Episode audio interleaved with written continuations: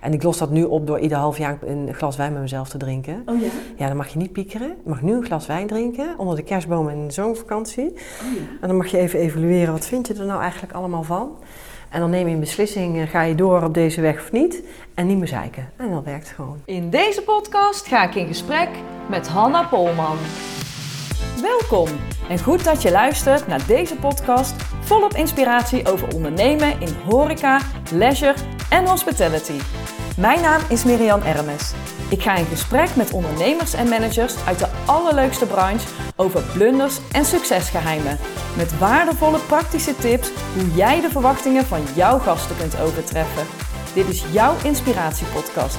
Dit is van blunders tot succesgeheimen. Welkom Hanna en superleuk dat je te gast wil zijn in mijn podcast van blunders tot succesgeheimen.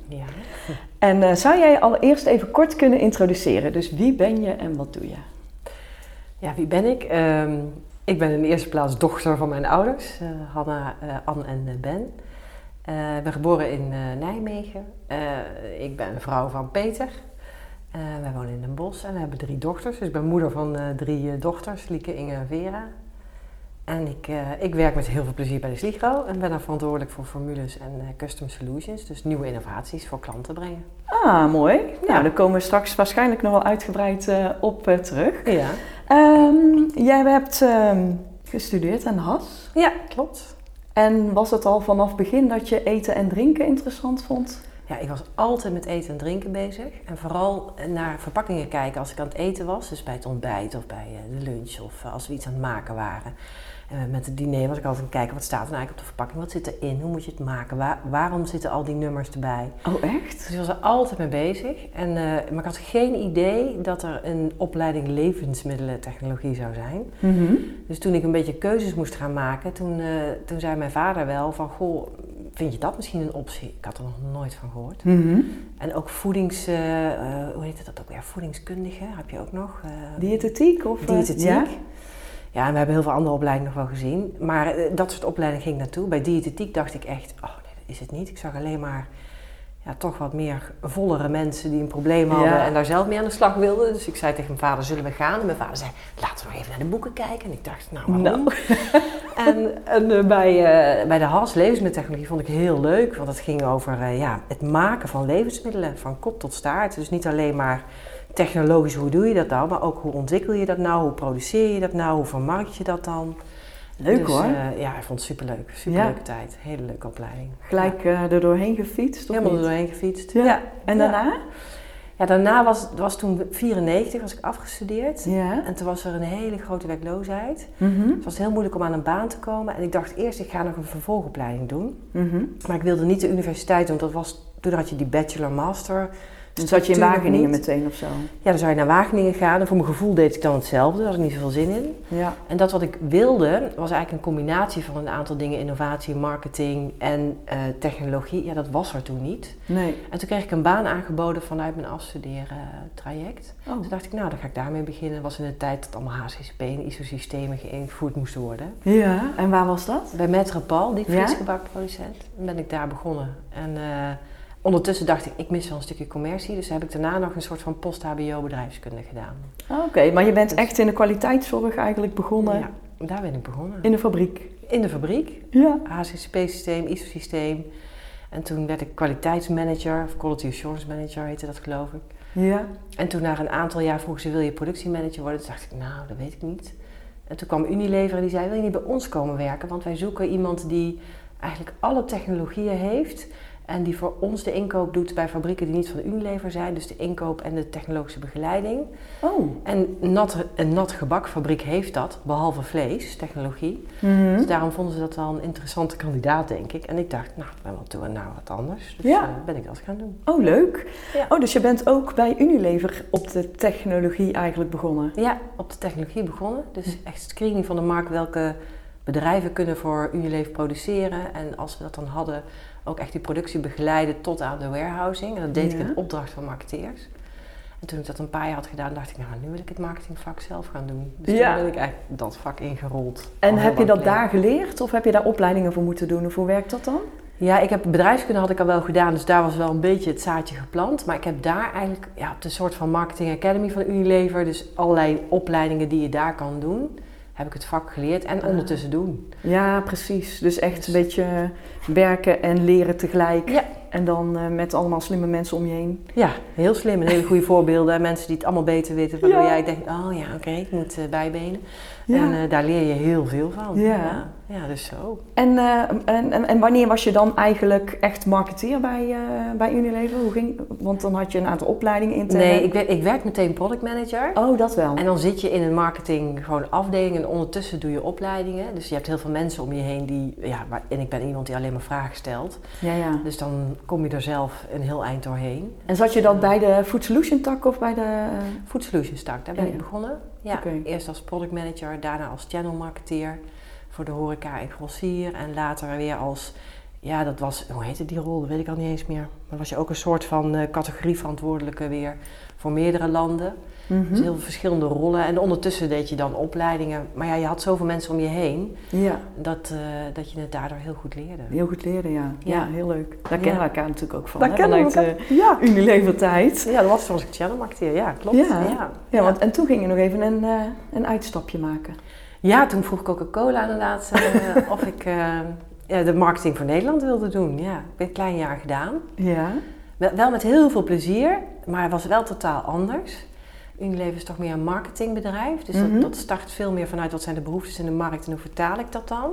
Oké, Coca-Cola ja. was meer een sales supply chain bedrijf, vond ik. Meer vanuit Coca-Cola naar de markt toe. Ja, naar de markt toe. En, en marketing kwam veel meer vanuit de company of vanuit eh, Amerika toen. Mhm. Dus dat was een ander type bedrijf. Oh, jij zat bij Enterprises dan? Bij Enterprises zat ik, was ik verantwoordelijk voor home marketing. Ja.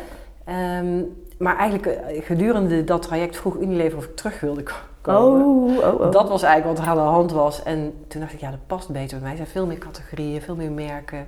Ja.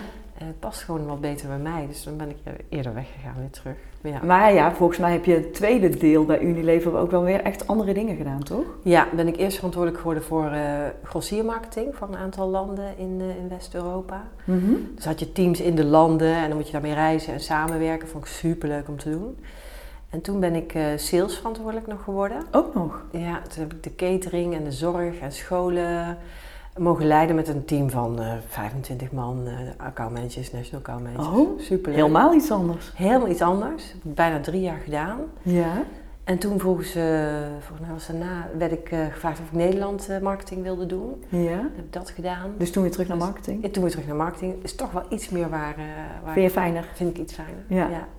En de laatste rol was ik weer verantwoordelijk voor een aantal landen, maar dan voor innovatiekalender. dus nieuwe producten, renovaties, eh, branding. eh, en dan had ik weer teams in de landen. Ja. En allemaal voor Food Solutions. Ja, ik heb altijd voor voedsel. En welke merken dan vooral? Oeh, dat waren toen iets van ja, 10 tot 15 merken. Dus dat ging echt van eh, Alsa desserts tot Knorr Professional.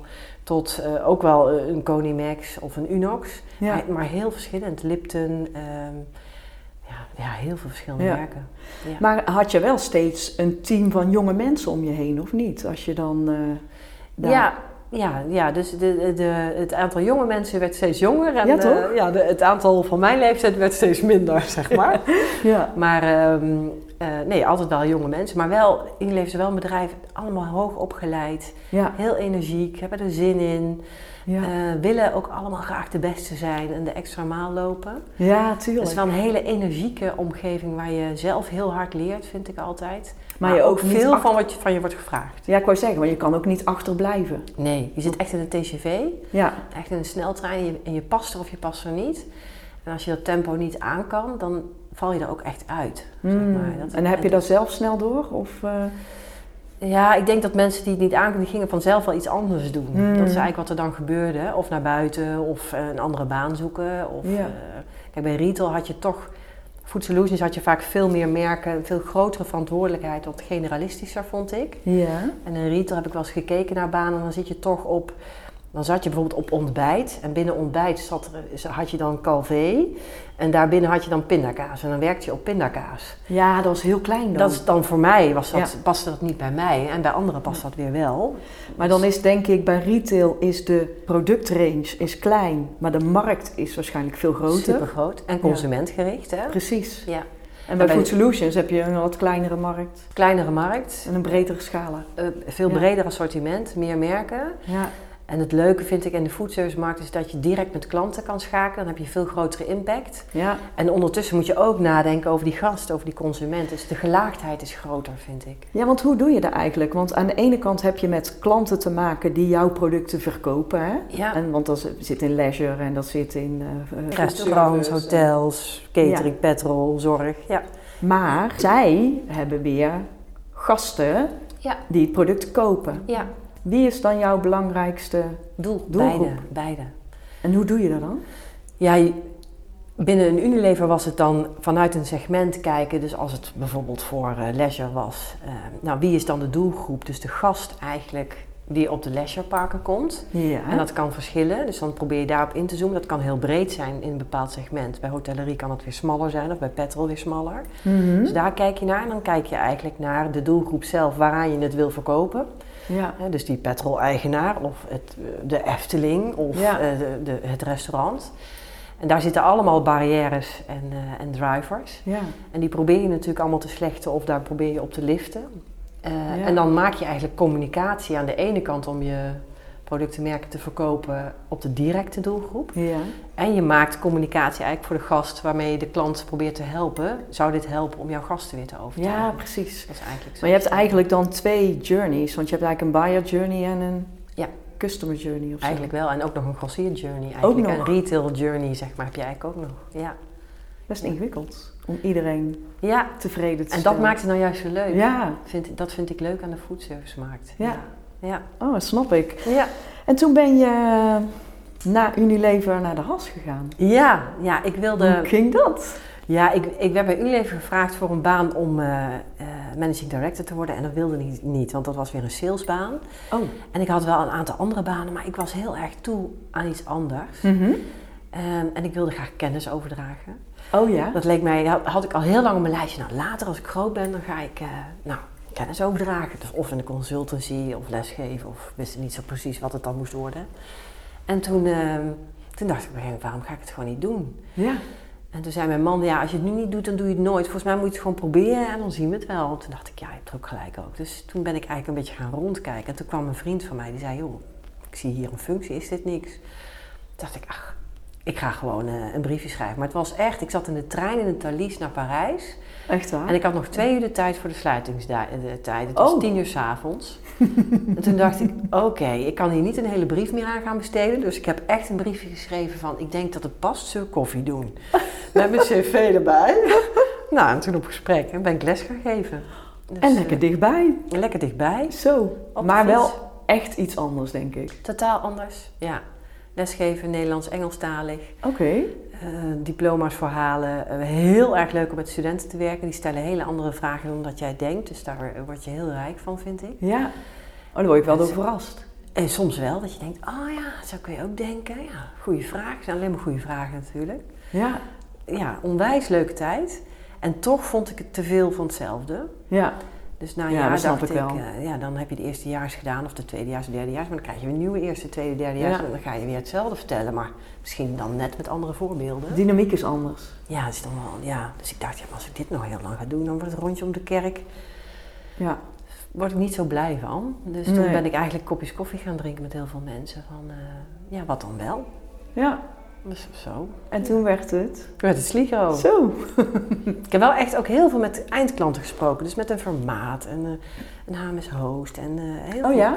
Om eigenlijk te onderzoeken, ga ik nou aan de eindklant zitten, zo noem ik het dan maar even. Of ga ik aan de grossier- grossierkant zitten? Ja, het is allebei echt anders. Allebei anders. Of Ja. ga ik toch in het vertrouwde leverancierkant weer terug, zeg maar. Ja. En toen ehm, ja, had ik Dirk van Ieper een keer een biertje gedronken. En die zei, ja, laten we over een tijdje even weer een biertje drinken. Nou, ik ga ondertussen door. Maar op een gegeven moment was ik er wel uit. Ik vind volgens mij die tussengrossier wel, wel leuk. Ja. bij Unilever zeiden we altijd, ja, dat zijn dozenschuivers. Ja. ja. Ja. En, eh, en ik zag eh, dat grote Sligro, daar had ik natuurlijk ook heel veel mee gewerkt eh, in het verleden. En ik dacht alleen maar, ja, bij Sligro is wel een beetje vijf voor twaalf als het gaat over digitalisering. Ze zijn groot en, en hoe dan? En zij hadden een groot vraagstuk van hoe kunnen wij ons onderscheiden ten opzichte van concurrentie. Mhm. Dus een Bitfood en Haans maken, want die verkopen ook allemaal artikelen zoals Ja. Dat doet. Maar waar zit ons onderscheidend vermogen dan? Ja, jij kon het in ieder geval wel vanuit de aanbodkant, eh, Ja, wist je het. Ja. Hè? Maar nog niet vanuit, misschien vanuit de onderkant. Maar, of in ieder geval de ja de Maar- Sligro kant of de, ja, Ja, nou, ik bedoel, de leisureklanten en zo, die, die problematiek zag je dan misschien nog niet minder. Ja, Maar wel vanuit de Unilevers of de. Coca-Cola's of... eh, ja. dat is al eh, heel veel waarde natuurlijk. Ja, en die leveranciers waren ook allemaal bezig om over die grossier in te gaan. hè, Direct-to-operator-achtige Ja. processen. Dus ja, daar lag een hele mooie uitdaging van Koen Slippens en eh, Dirk van Ypres. Wij zoeken iemand die deze nieuwe innovatietak kan opzetten. Waardoor wij ons kunnen onderscheiden en de loyaliteit van onze klanten uiteindelijk als doel natuurlijk kunnen bereiken. Maar vooral met de angle kunnen wij klanten helpen op een andere manier. En wat zou dat dan kunnen zijn? Ja, dus geen dozenschijven, maar toegevoegde waarde. Toegevoegde waarde bieden. Ja, want Ja. jij doet de customer success of de customer, Customer Solutions. solutions. Ja, ze hebben dan een Engelse naam aangegeven. Ja. In het begin was dat even wennen binnen Sligo. Wij doen alles in het Nederlands. Waarom is dit dan Engels? Oh ja? Maar het gaat eigenlijk over oplossingen brengen voor klantbehoeften. Ja. Dat is eigenlijk wat, eh, wat ik doe met mijn team. En jouw grote klanten zijn dan eh horecabedrijven, leisureorganisaties, petrol. Ja, precies. Iedereen die inkoopt bij Bij Sligo. Sligo en dan op de groothandel of ook op de zelfbediening. Eh, beide. Het is Allebei. echt wel beide. Ja, want uiteindelijk gaat het om de horeca-klant. Dus het restaurant, het hotel, de petrolklant. De, je, noemt ze allemaal op. Ja. Eh, en welke hoofdpijndossiers hebben zij of welke behoeftes? Dus die hebben we ook allemaal bekeken. En gekeken met een satéprik aan waar zit nou de gemene delen. ja. Ja, en, nu is het tijd van, eh, we komen allemaal personeelstekort. Ja. Tijdtekort. Ja, daar kun je natuurlijk 35 oplossingen voor bedenken. En welke ga je dan brengen? Hè? Dat is natuurlijk dan de vraag. En, Ja, en waar kunnen jullie juist toegevoegde waarde bieden? En waar zit onze sweet spot om toegevoegde waarde te bieden? Hm. Ja, precies. Dus, vind ik super leuk om te Ja, doen. ben je blij? Ja, echt. Ik vind het ook wel echt knap dat je als bedrijf onderkent, nou, daar zit iets voor ons. Ja. En dat je dan ook iemand eh, de, het mandaat durft te geven van, eh, ga het maar doen. Ja. Dus, en dan gaat het natuurlijk niet over één nacht ijs. In het begin zei Koen ook, ja, kunnen we wel sparren dan? Want ik vind het wel fijn om, eh, ja, natuurlijk, dus dat hebben we ook gedaan. Mhm. Ja, nu eh, zie ik Koen af en toe nog een keer. Ja, gewoon heel veel wederzijds vertrouwen en, en ook wel kunnen challengen naar elkaar. Mhm.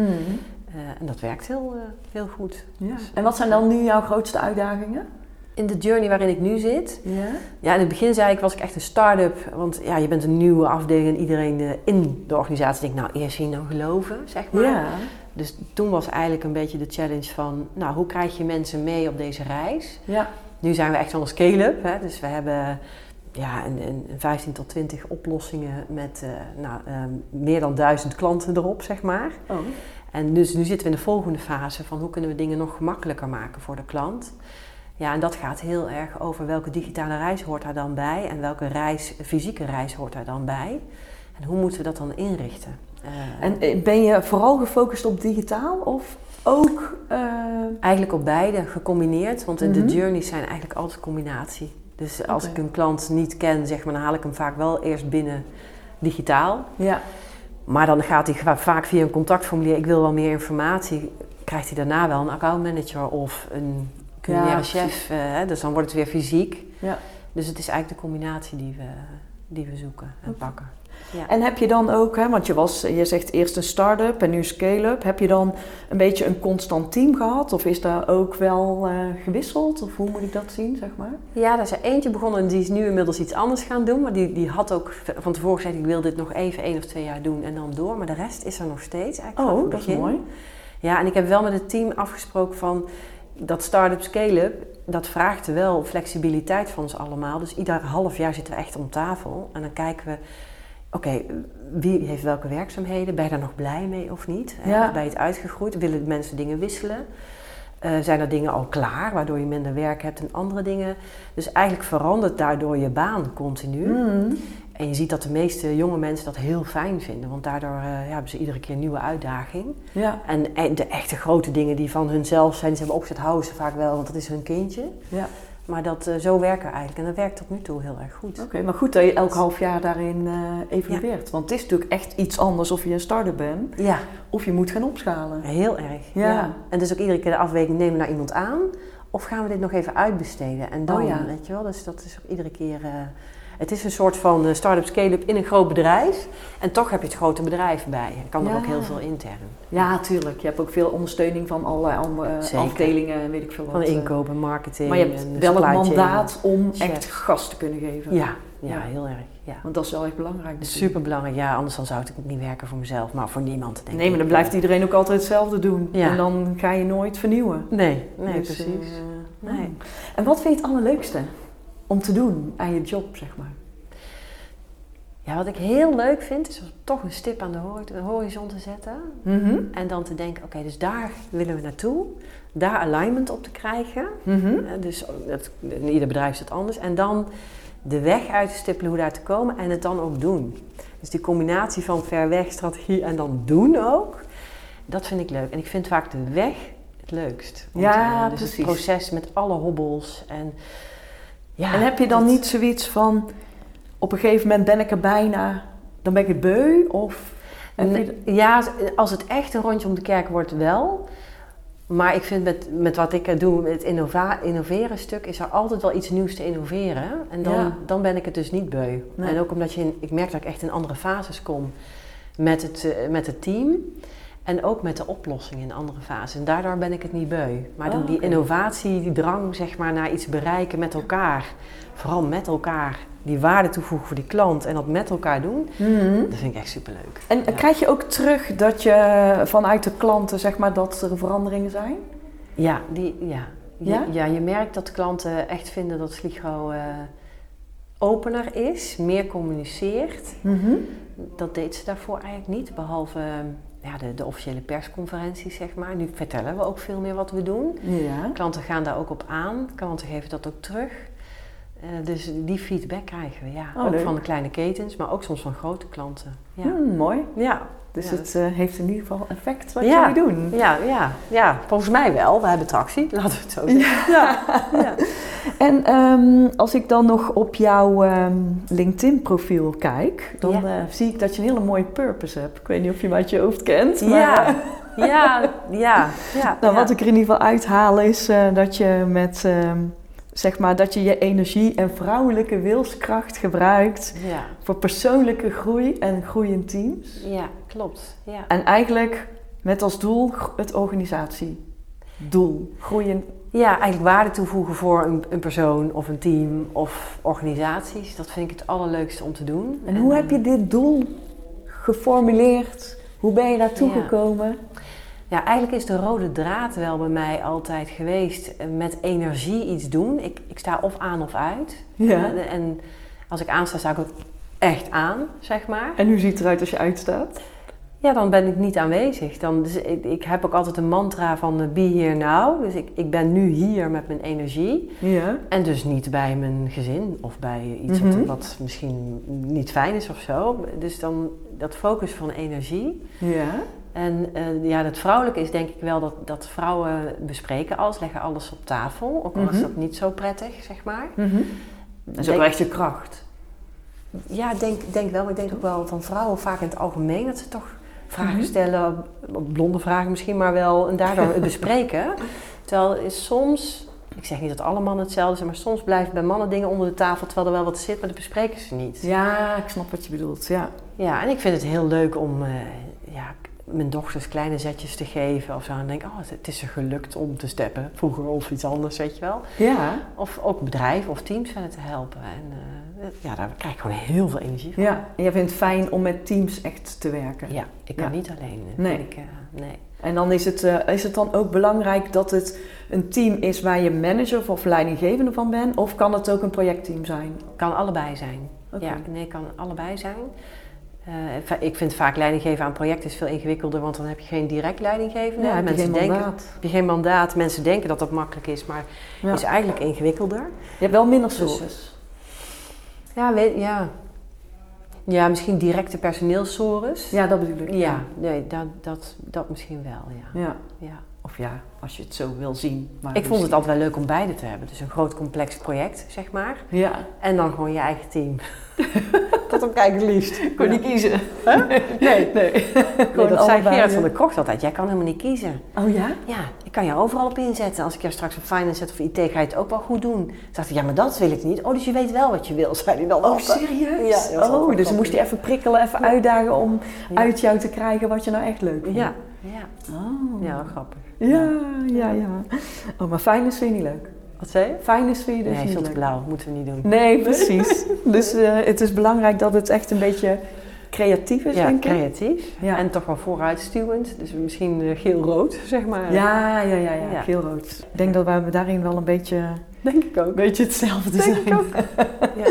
Ehm, als je dan eh, je verplaatst in 2027, Oh ja. hoe kijk je dan terug op de afgelopen vijf jaar? Oh, ik, ik, ik denk eh, met heel veel trots. Ehm, met eh, wauw, we hebben daar met elkaar wel gewoon iets gaafs neergezet.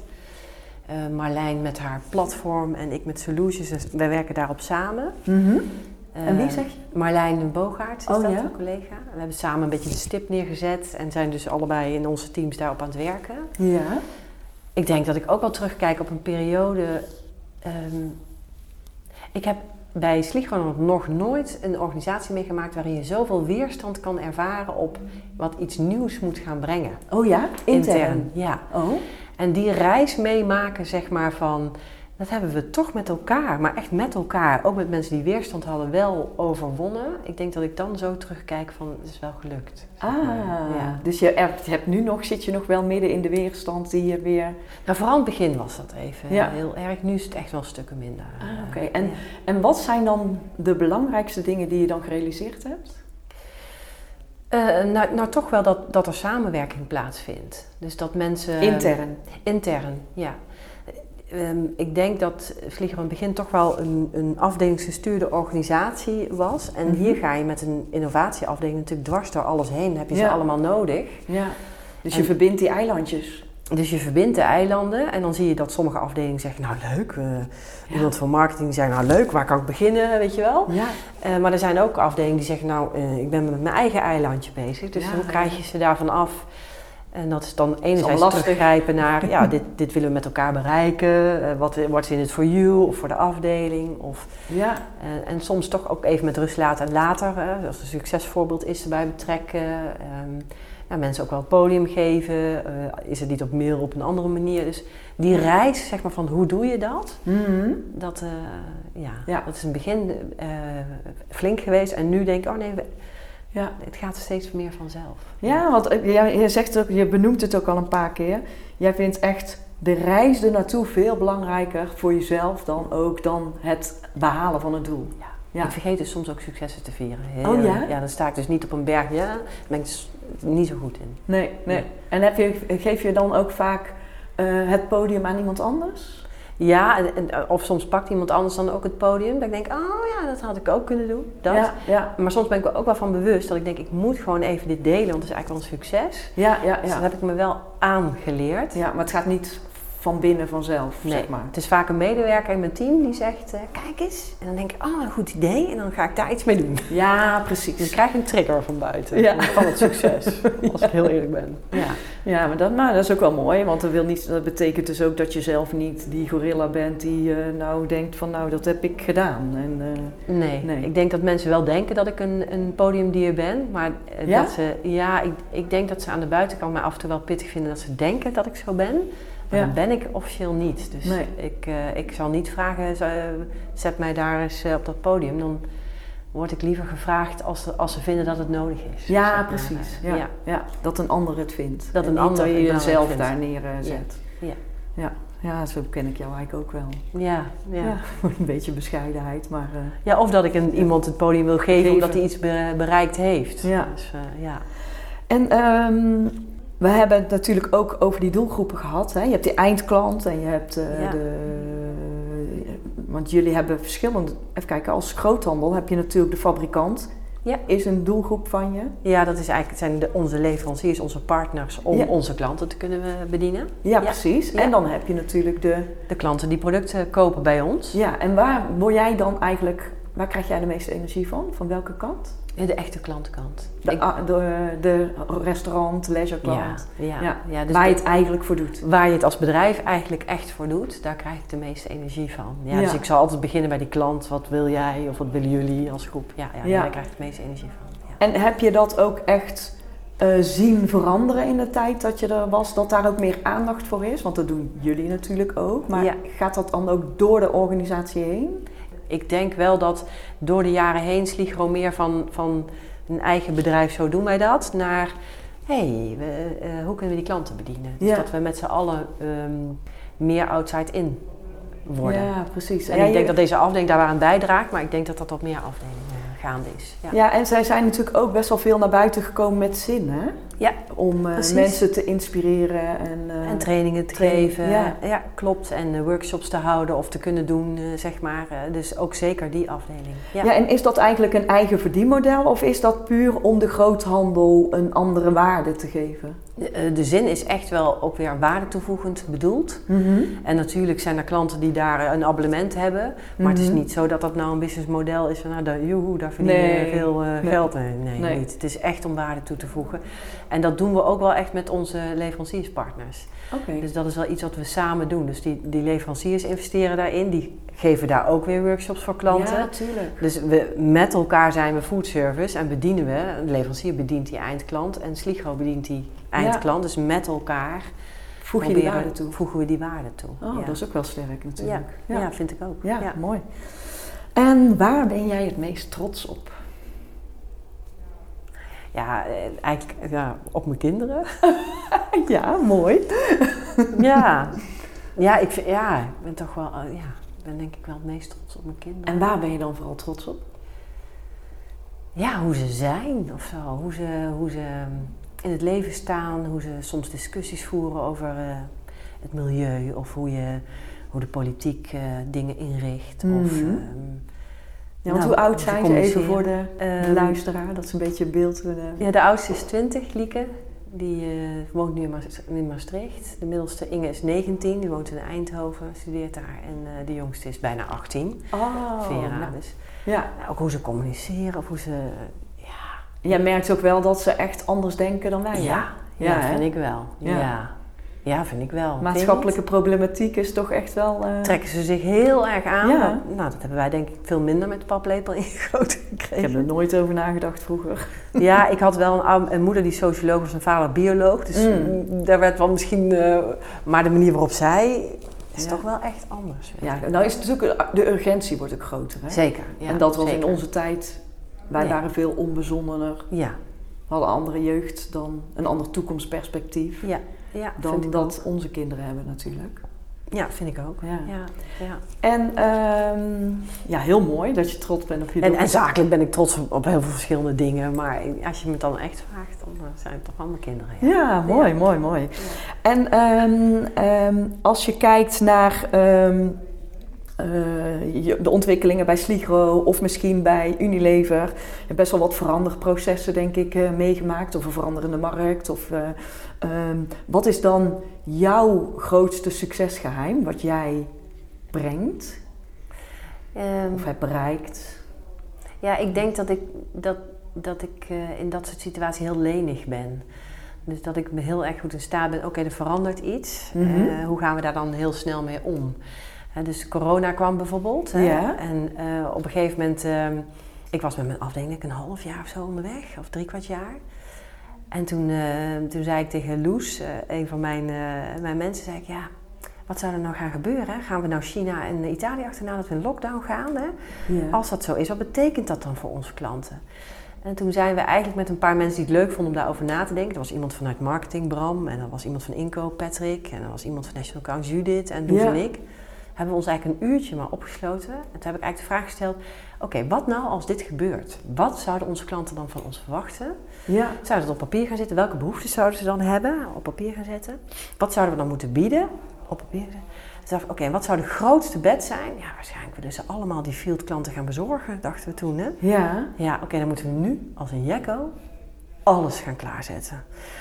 Dus toen zijn we echt gaan kijken, hebben we het assortiment voor bezorgen? Was niet compleet, dus Patrick mee aan de slag gegaan. Hebben we alles voor communicatie klaar? Moeten we nog een aantal oplossingen, dus e-bikes zijn we gaan inhuren, weet je, partijen gaan aansluiten met allerlei oplossingen. Eigenlijk alleen maar om die klanten gaan helpen om dat te doen. Ja. En toen was het zondag, dus zei Rutte, we gaan over een uur dicht, hè? Mhm. En de volgende ochtend stonden wij live, wilt u gaan? Was Serieus? alles klaar. En dat is denk ik wel wat ik goed kan. Dus als dingen dan veranderen, dat zie ik, dat, zie ik, dat voel ik. En dan, oeh, hoe gaan we daarop acteren? Zijn we niet... eh, Ja, en dan ben de jij laatste. degene die denkt van, oeh, er moet iets gebeuren. Ja, Mensen wel. bij elkaar halen en, Ja, vaak wel. en dan ook gelijk actie. En dan, ja, precies. Dus de tip, eh, hoe dan? En, Ja. eh, en het doen. zeg Mooi. maar. Ja. Oh, wat goed. ja. En ehm, ja, een succesvolle manager maakt natuurlijk ook blunders. Ja. ja. Dus wat is jouw grootste blunder die je wil delen met de luisteraar? Oh ja, ik heb er wel echt heel, ik heb echt heel veel blunders gehad. Ja? Ja. Ja. Grote blunders? Ja, vroeger, dat zei ik al even in onze voorbespreking, was ik gewoon heel naïef en ehm, ja, goed van vertrouwen bij iedereen. Dus dan liep ik wel eens tegen de lamp aan. Dan, eh, nou, daar, le- daar leer je ook van. Ja, ja. Daar ben ik echt heel veel flaters mee gesla- geslagen. Met naïviteit. Met naïviteit, Ja. ja. En zakelijk, ehm, ik heb eens een keer een... eh, eh, ik, ik had een plan gemaakt voor de horeca. Mhm. En daarvan zei de toenmalige directeur, dat is echt een heel goed plan Hanna. En we willen channel marketing verder brengen. Wil jij dat dus presenteren aan de Europese baas? Of nee, de global baas marketing binnen Unilever. Want dan hebben ze een voorbeeld van hoe ik denk dat het moet. En ik dacht, jezus, van een podium. Nou, dat is goed. Ga ik wel doen. Dus die zaal zat vol met Engelsen, want hij was Engels. Met een paar Engelsen van het hoofdkantoor van, van Global. Ja. En een paar Nederlanders. En ik begin dus mijn verhaal in het Engels te doen. En ik zeg die hele presentatie niet chef, maar chef-kok. En kok betekent natuurlijk iets anders in het Engels. Totaal niet hoor, hè. Gewoon mijn hele presentatie. Ik zag wel een paar mensen non-verbaal zo kijken. En ik dacht, er is iets, maar... Niemand die me ook corrigeerde. Dus ik dacht, nou oké, prima. Dus op een gegeven moment, eh, eh, die Engelsman die begon ook een beetje te grinniken, maar die nam me wel heel serieus. En uiteindelijk sta ik op de wc, zegt een collega, ja, chef-kok in het Engels betekent iets anders, hè? Ja. Dus ik echt, oh, als er een luikje was, kan ik nu wegvallen, weet je. Oh. Dus ik kom, eh, ik kom terug in die zaal, dus ik, nou, ik, ja, ik hoorde dat, ja, moest een beetje lachen. Maar s'avonds, dat vond ik dan wel echt heel leuk, die global marketing directeur, die nodigde mij uit op LinkedIn om te linken. Ja. En toen zei hij, het was echt een hele goede presentatie, zei hij. Toen zei ik, ja, sorry van de chef-kok, was niet echt handig. Hij zei, nou, je hebt echt een hele goede indruk achtergelaten, zei hij. Dat vond ik dan wel heel erg humor. Oh, ze vergeten je nooit Ze vergeet meer. het nooit meer. Wel het verkeerde, maar prima. Oh, oh, ja. oh. En ik heb wel eens een innovatie naar de markt gebracht, Caesar salad, eh saladedressing. Ja? En Caesar, schrijf je dat met EA of met AE? Oh, Helemaal verkeerd. niet. Ja, en ik had Alles al klaar? Alles gedrukt en in de markt. Ik denk dat de concurrent heel hard heeft gelachen. En ik had dus echt, je hebt dan allemaal gates waarin iedereen dat moet goedkeuren. Dus ik was niet de enige, maar heel veel mensen. Maar het stond wel gewoon fucking in die markt. Oei. Ja, En dat, dat zijn grote fouten. Ja, dan, dan moet je dus... eh, Alles corrigeren. Ja, dan laat je die badges maar in staan, want iedereen moet... De, de helft ziet het niet de andere helft wel. en dan eh, vooral al die stickers natuurlijk weggooien opnieuw en, eh, en door. Oei, oei, oei. En Hele hoe, heb je dat, hoe voorkom je dat de volgende keer dan? Ja, dat heb ik me wel afgevraagd, want we hadden natuurlijk eh, echt, eh, ik denk echt zeven stappen op voor goedkeuring met zeven verschillende mensen. En is wel doorheen gekomen. Ja, toch scherp zijn op taalfout. En ik had het nog opgezocht, hè? ook Ook dat digitaal. Ja, ik heb het toch omgedraaid, niet goed gecontroleerd. Oei, echt oei, oei. niet goed gedaan. hele grote fout, heel veel kosten. Oh, oh, oh. Ja. Ja, gebeurt. Ja, het gebeurt. Oh, mensen ja, dat werken worden fouten gemaakt. blunders. Dat zijn grote blunders, joh. Kijk, grote blunders. En dan zeker vanuit Unilever. Het is ook niet zomaar een partijtje. Nee. Er was ook echt iemand die tegen me zei, wie heeft die fout gemaakt? Ja, ik en ik ga hem ook corrigeren, zei ik meteen. oh, Oh, maar dat is dan wel goed, dat je in ieder geval wel je fouten toegeeft. Ja, Harry Stofberg was toen de directeur. Die zei, dat is goed, gaan we aan de slag. Ja, dat is goed, sorry. Ja. Oei, oei, Ja. oei, oei, oei. dat zou je niet snel nog een keer doen, denk ik. Nee, nee. het- Ja, ik, ik hoop dat het me niet nog een keer gebeurt. Nee. zo. Oh, oh, wat grappig. En ehm, wie is jouw groot voorbeeld? Ja, zakelijk gezien is Mhm. dat eh, ja, misschien een rare. Annemarie van Gaal. Ja, ken ik. Ja, die vind ik wel... eh, die vind ik echt wel een powervrouw. Ja. Dat je het lef hebt om met iemand in Rusland een eh, krant te beginnen, wat dan mislukt. En dan een grote magazinebedrijf beginnen. En dan twee kinderen daar eh, opgroeien. En dan terug in Nederland komen en dan weer een zaak starten. En Ja. ja, vind ik echt wel een voorbeeld van eh, een moeder, werken, lef, wilskracht, zeg Ja. maar. Maar ik vind ook wel... ehm, ik, ik, heb ook wel gewoon privé mensen waar ik heel veel voorbeeld... Dus mensen die het moeilijk hebben en die dan toch heel... met veel energie doorgaan. Mhm. En bedoel je dan financieel moeilijk of op een andere manier moeilijk? Nou, een goede vriend van mij waar een vrouw al een aantal jaar echt ziek is. Of Oh, een ja. vriendin die eh, borstkanker heeft. Of ja. een vriendinnetje van een dochter van mij die thuis eigenlijk niet veilig is. Ja. Dat, dat je dan toch ziet dat er hele krachtige mensen nog zijn. En die, die met een wilskracht doorgaan. Dat vind ik wel... eh, ik, ik word daar soms stil van. Mhm.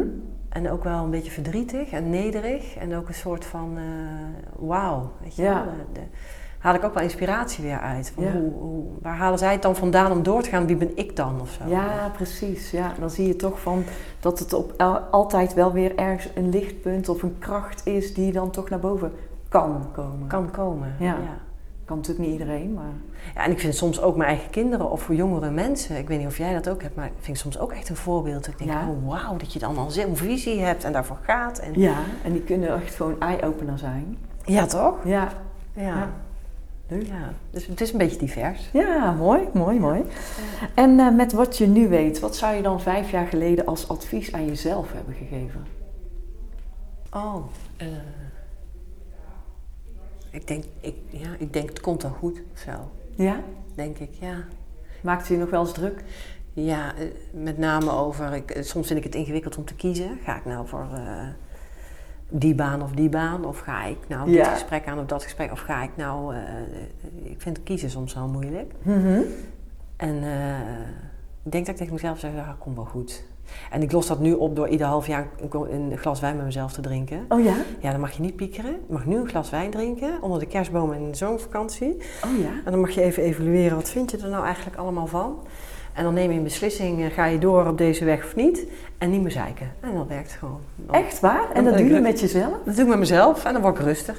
Oh, wat grappig. En dan, dan schrijf je alle issues of dingen op waarvan je denkt van... Ja. Daar heb ik last van, of dat, is, dat speelt Ja. nu, of... Ja, wat wil ik ermee, zeg maar? Ja. Vraagstukken die je dan hebt. Dus ik heb wel- eens in mijn verleden gehad, dan ga ik nou wel of niet van baan switchen? Dat heb ik nu niet, hè? Maar dat, Ja.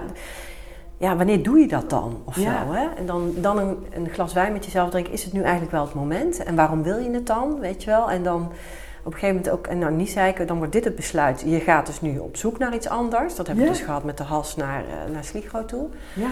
En dan ook wel zacht voor jezelf zijn. En dan neem je gewoon een jaar de tijd voor, want dat hoeft niet nu, weet je wel? Oh, zo. Ja, ja, ja. En dan, eh, dan ligt er een besluit, ik ga dat doen. en dan niet meer op terugkomen. En daar kom ik niet meer op terug, maar dan zie je wel dat alles wat je doet daar naartoe gaat of zo. Omdat je dat besluit hebt genomen. Ja, daar word ik rustig van. Daar word ik rustig van, een soort van Ja. synchroniciteit. Het komt op je pad, het klopt dan ook. En, Ja. eh, en, ik, en ik pieker dan dus ook minder. Dan, dan stopt dat piekeren als ik dat dan heb. Dus ik zou denk ik Oh. zeggen, dat komt wel goed. Drink maar al, ieder half jaar Een ja, een glas wijn.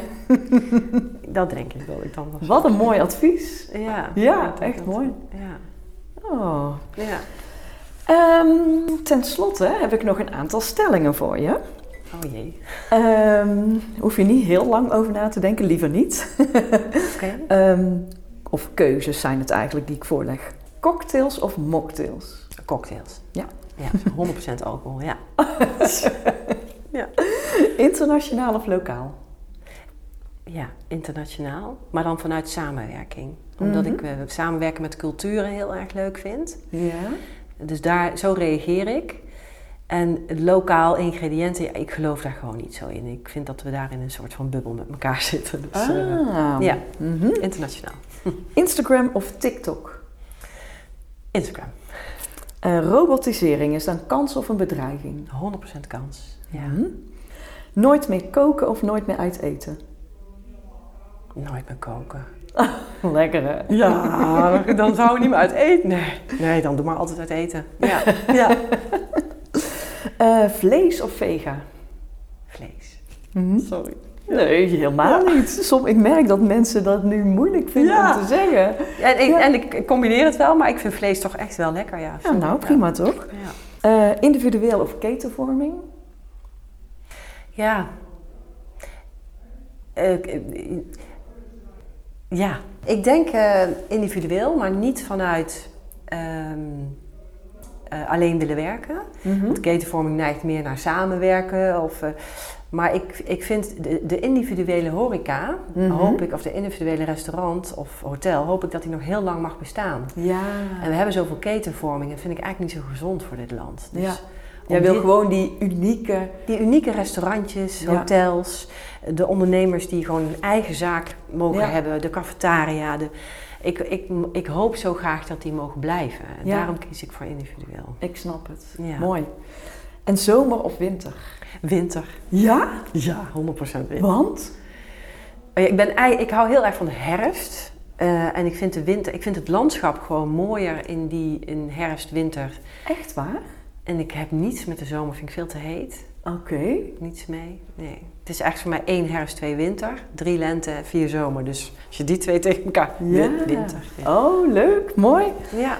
Nou, dankjewel Hanna voor het superleuke gesprek. Dankjewel uh, voordat je me wilde ja, interviewen. Ja, tuurlijk. Leuk.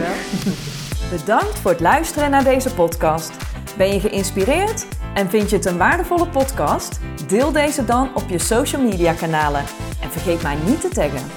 Ben je ook zo nieuwsgierig naar de volgende aflevering en wil je niets missen? Abonneer je dan op deze podcast.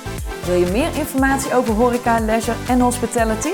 Ga naar mirianermes.nl en volg me op LinkedIn, Instagram en Clubhouse.